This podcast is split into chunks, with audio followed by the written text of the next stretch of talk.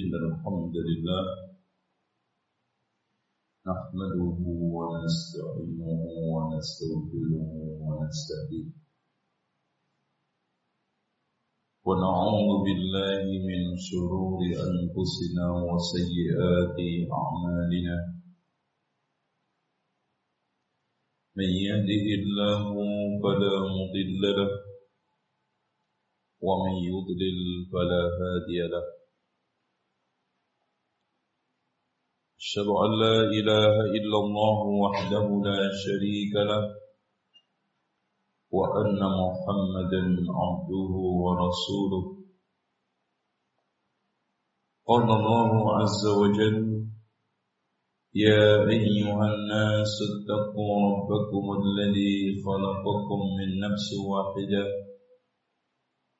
وخلق منها زوجها وبث منهما رجالا كثيرا ونساء. واتقوا الله الذي تساءلون به والأرحام. إن الله كان عليكم رقيبا. وقال تبارك وتعالى يا أيها الذين آمنوا اتقوا الله حق تقاته ولا تموتن إلا وأنتم مسلمون. وقال عز وجل يا أيها الذين آمنوا اتقوا الله وقولوا قولا سديدا.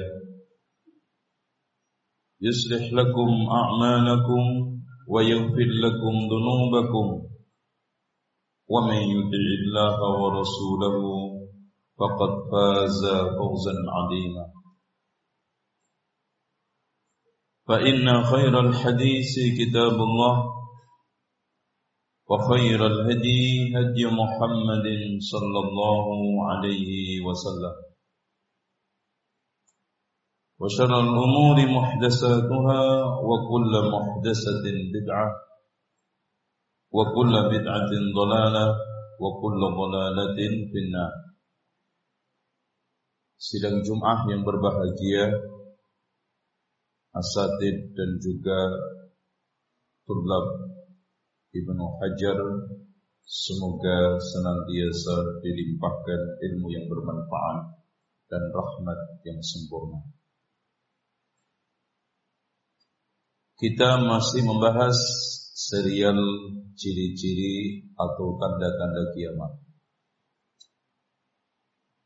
Rasulullah SAW mengatakan U'dud sittan baina yadayi sa'ah Hitunglah akan ada enam peristiwa sebelum atau menjelang kiamat. Yang pertama adalah mauti kematian Rasulullah. Itu yang tidur di samping kipas berdiri. Seperti itu. Wirat berdiri. Kum. Lah. Berdiri.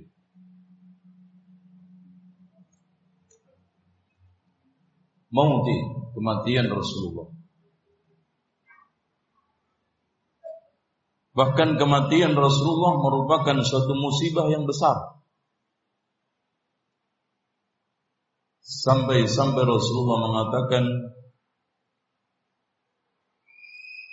Man asaba bimusibatin falyadhkur musabahu bi fa innahu a'dhamul masaib Barang siapa yang terkena musibah macam apa pun, ingatlah musibah yang menimpa saya, yaitu kematian saya. Karena itu musibah paling besar. Kenapa itu musibah paling besar?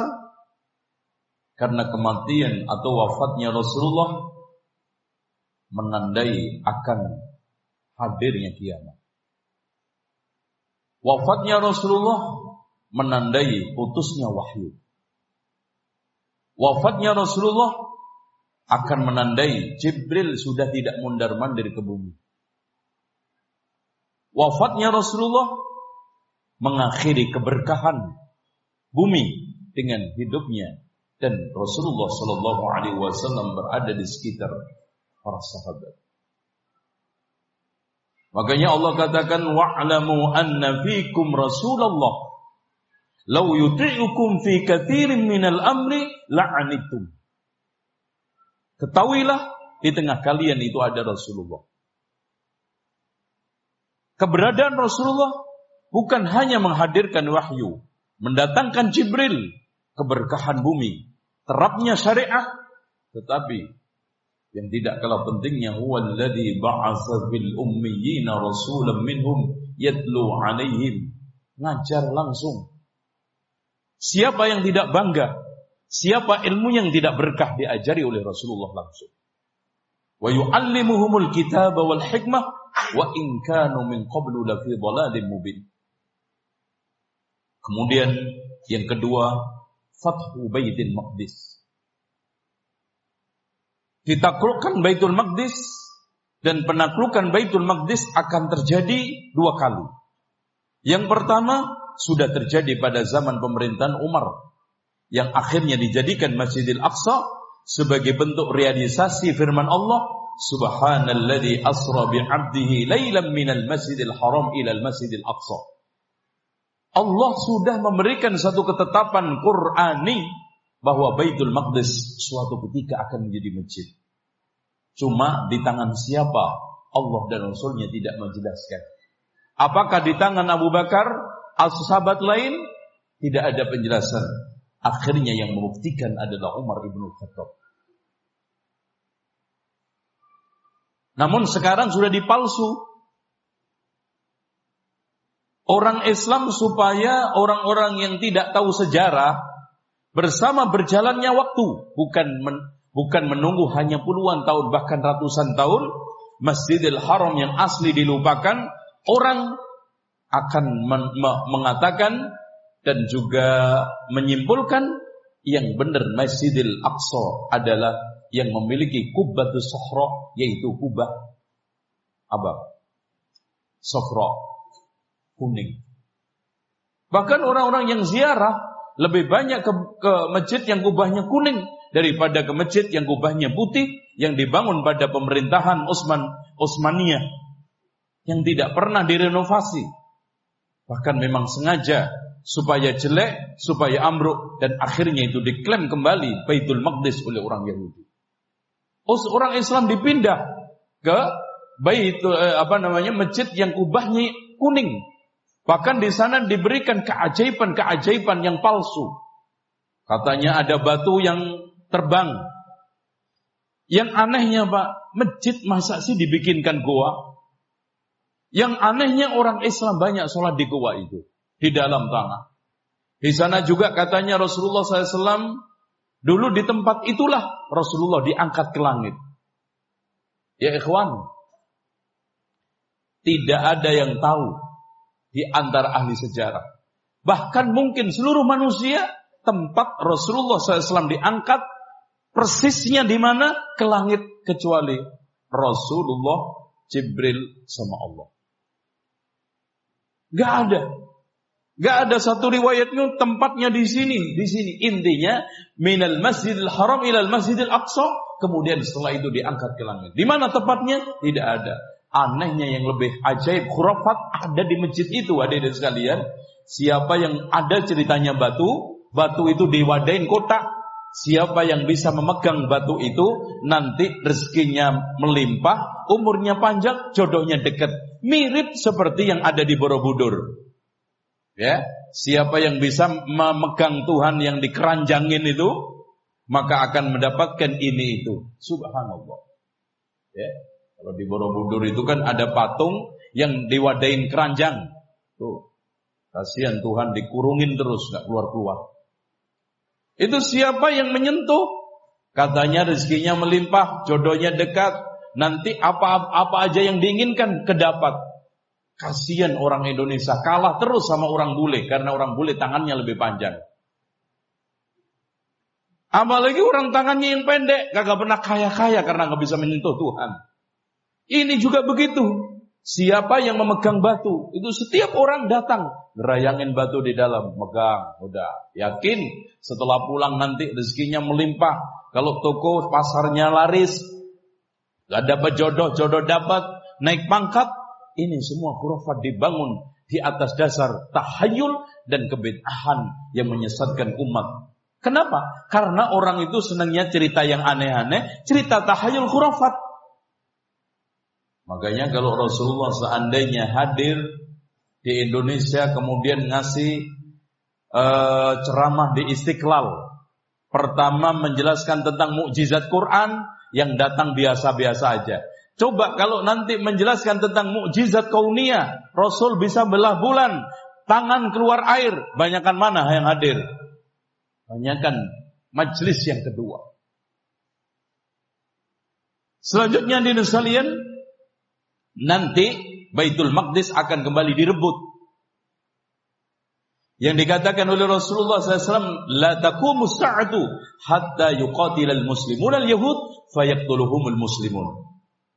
Tidaklah tegak hari kiamat sampai orang muslim membunuhi semua orang Yahudi.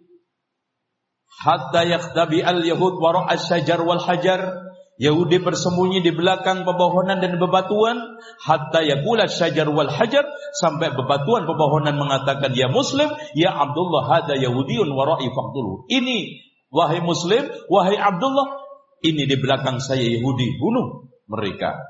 Illal qarbat kecuali pohon qarbat fa innahu min syajaril yahud karena itu termasuk pohon Yahudi. Hadis ini dikeluarkan oleh Imam Muslim dan yang lainnya Selanjutnya di antara enam adalah munculnya kematian besar yang memakan 25 ribu manusia. Di antaranya adalah sahabat Mu'ad bin Jabal yang meninggal yaitu taun wabah yang membuat orang setelah kena wabah itu perutnya sakit muntah keluar darah terutama dari hidung kemudian meninggal dunia.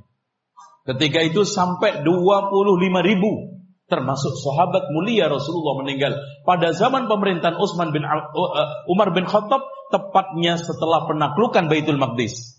Karena Baitul Maqdis ditaklukkan pada tahun 16 Hijriah.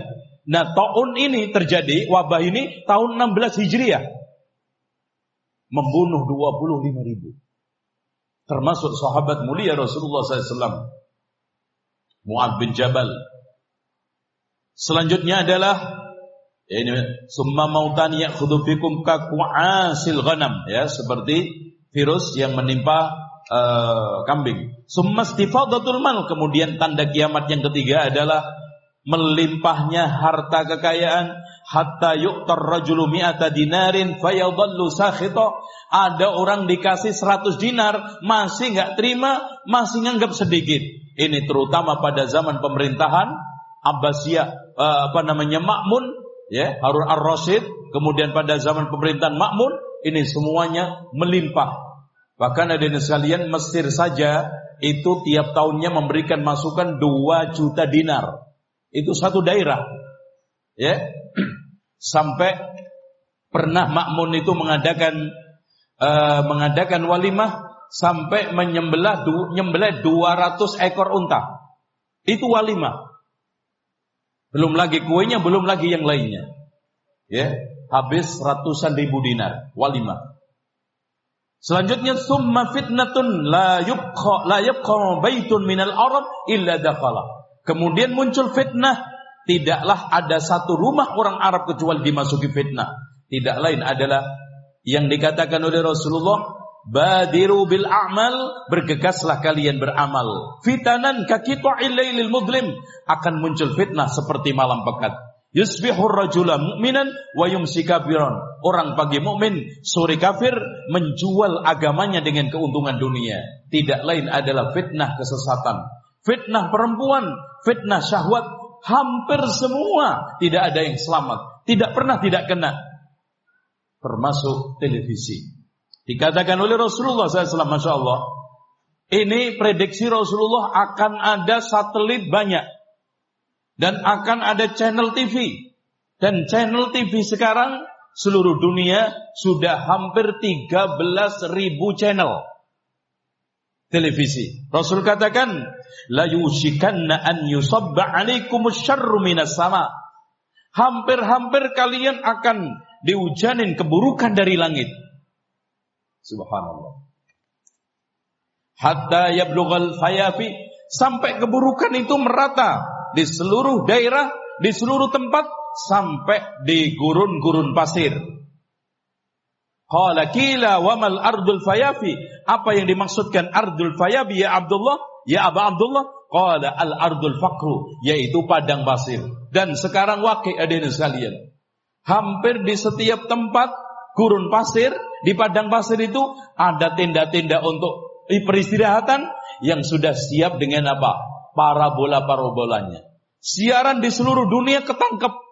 Bahkan ada sekalian di Qatar saja itu ada channel yang bisa masuk ke negara Qatar hampir 950 channel yang bisa ditangkap oleh semua orang Qatar. Ya, apalagi di Oman, apalagi di ini kalau di Saudi masih dibatasi. Hampir keburukan terjadi di mana-mana. Sekarang sajian TV mana yang ada ibadahnya? Mana yang membuahkan suatu ilmu manfaat, mendorong akhirat? Gak ada. Yang ada adalah syahwat, yang ada adalah pameran kesesatan, bahkan the master dari mulai cerita-cerita tahayul khurafat, sinetron pendek, sedengket, panjang, semuanya menjajakan kesyirikan, kesesatan dan kekufuran. Ini yang diberi di Rasulullah akan turun dari langit. Menimpa kalian keburukan merata sampai menimpa gurun-gurun pasir. Dan subhanallah. Ya, sekarang itu Pak, kalau di Indonesia ya ibaratnya di hutan-hutan, di kebun-kebun, orang sudah pasang-pasang parabola. Ya, di tengah hutan Kalimantan, Sumatera, di tengah apa namanya? Uh, kebun sawit, mereka rata-rata memiliki parabola. Ini hadis dikeluarkan oleh Imam Ibnu Syaibah di dalam musannafnya. Dan selanjutnya di sekalian, termasuk fitnah besar yang hampir merata ke seluruh rumah orang Arab adalah munculnya perang Siffin antara Muawiyah dengan Ali. Yang dikatakan oleh Rasulullah SAW, La takumus sa'atu hatta taktalilal fi'atani adimani. Tidaklah tegak hari kiamat sampai akan ada perang dua kelompok besar yakunu bainahuma maktalatun adimatun perangnya sangat dahsyat wa da'wahuma wahidatun alasan perangnya sama jihad membela kebenaran. Wa da'wahuma wahidun. Alasan perangnya sama. Kelompok yang satu alasannya juga membela kebenaran. Yang satunya membela kebenaran. Dari kelompok Ali ingin mempertahankan eksistensi khilafahnya Ali karena diangkat sah. Kelompoknya Muawiyah menginginkan darahnya Utsman bin Affan supaya cepat diadili. Wa da'wahuma wahidatun alasannya sama-sama benar. Yang terakhir, saya khruju akhiruz zaman. Qaumun akan keluar termasuk ini adalah fitnah yaitu fitnah tul khawarij. Akan keluar di akhir zaman qaumun ahdasul asnan. Umurnya muda-muda tapi sok pinter. Menjadi mui apa menjadi apa namanya? ahli fatwa. Maaf ya, bukan lembaga. Tapi nggak ada ilmunya. Bahkan persis yang dikatakan oleh Rasulullah Ruwaibidah Orang yang kecil ilmunya sok bicara masalah awam. Wira, duduk. Sufahaul ahlam, tapi cita-citanya rendah. Umurnya muda, cita-citanya rendah. Kalau bicara Islam, bukan ingin menjayakan, menegakkan Islam, tapi hanya ingin cari popularitas. Ingin cari ketenaran. Dia masuk ini, masuk itu, hanya ingin memperkenalkan diri kepada umat, bukan memperkenalkan Islam kepada umat, bukan mengharumkan Islam kepada umat untuk mempertahankan agama di tengah umat, bukan. Akhirnya kata Rasulullah SAW, al-Quran. Mereka membaca Al-Quran. La yujawizu taraqihim tidak sampai ke tenggorokannya. Yakuluna min qawli khairil bariyah. Masya Allah. Dalil-dalil yang dipakai nggak ada yang salah. Dia berucap dengan ucapan sebaik-baik manusia yaitu Rasulullah. Selalu yang dipakai dalil, tindakannya selalu berdalil. Dan setiap apa yang dikerjakan selalu ada panduannya dalil. Selalu hadis yang disampaikan. Qala Rasul, qala Rasul dan bacaan Al-Qur'annya bagus, tapi tidak sampai ke tenggorokannya, tidak membuahkan kekhusyuan yang akhirnya amal soleh. Akhirnya yang terjadi apa Pak? Yamrukuna minad dini kama yahmrukus sahmu minar ramiyah, keluar dari ag agamanya seperti keluarnya anak panah dari busurnya. Demikianlah yang bisa saya sampaikan, mudah-mudahan bermanfaat. أقول قولي هذا واستغفر الله لي ولكم واستغفر الله العظيم إن الله هو الغفور الرحيم.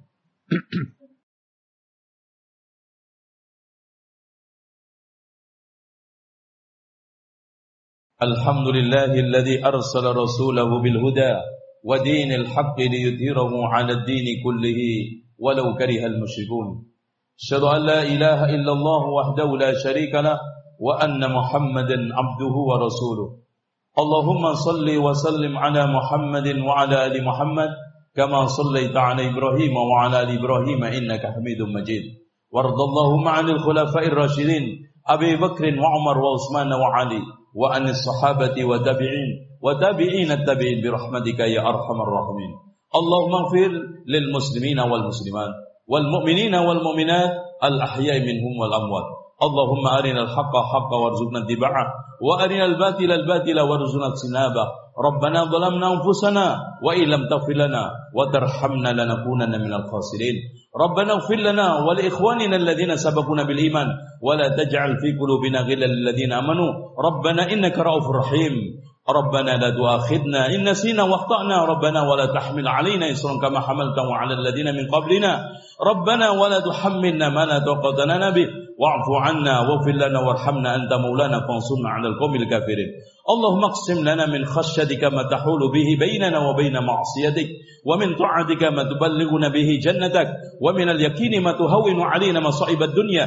اللهم متعنا بأسمائنا وبصارنا وقوتنا أبدا ما أحييتنا واجعل وارث منا واجعل ثأرنا على من ظلمنا وانصرنا على من أدانا ولا تجعل مصيبتنا في ديننا ولا تجعل الدنيا أكبر همنا ولا مبلغ علمنا. ولا تسلط علينا من لا يرحمنا. ربنا آتنا في الدنيا حسنة وفي الآخرة حسنة وقنا عذاب النار. عباد الله إن الله يأمر بالعدل والإحسان وإيتاء ذي القربى وينهى عن الفحشاء والمنكر والبغي يعظكم لعلكم تذكرون. ولذكر الله أكبر. أقم الصلاة.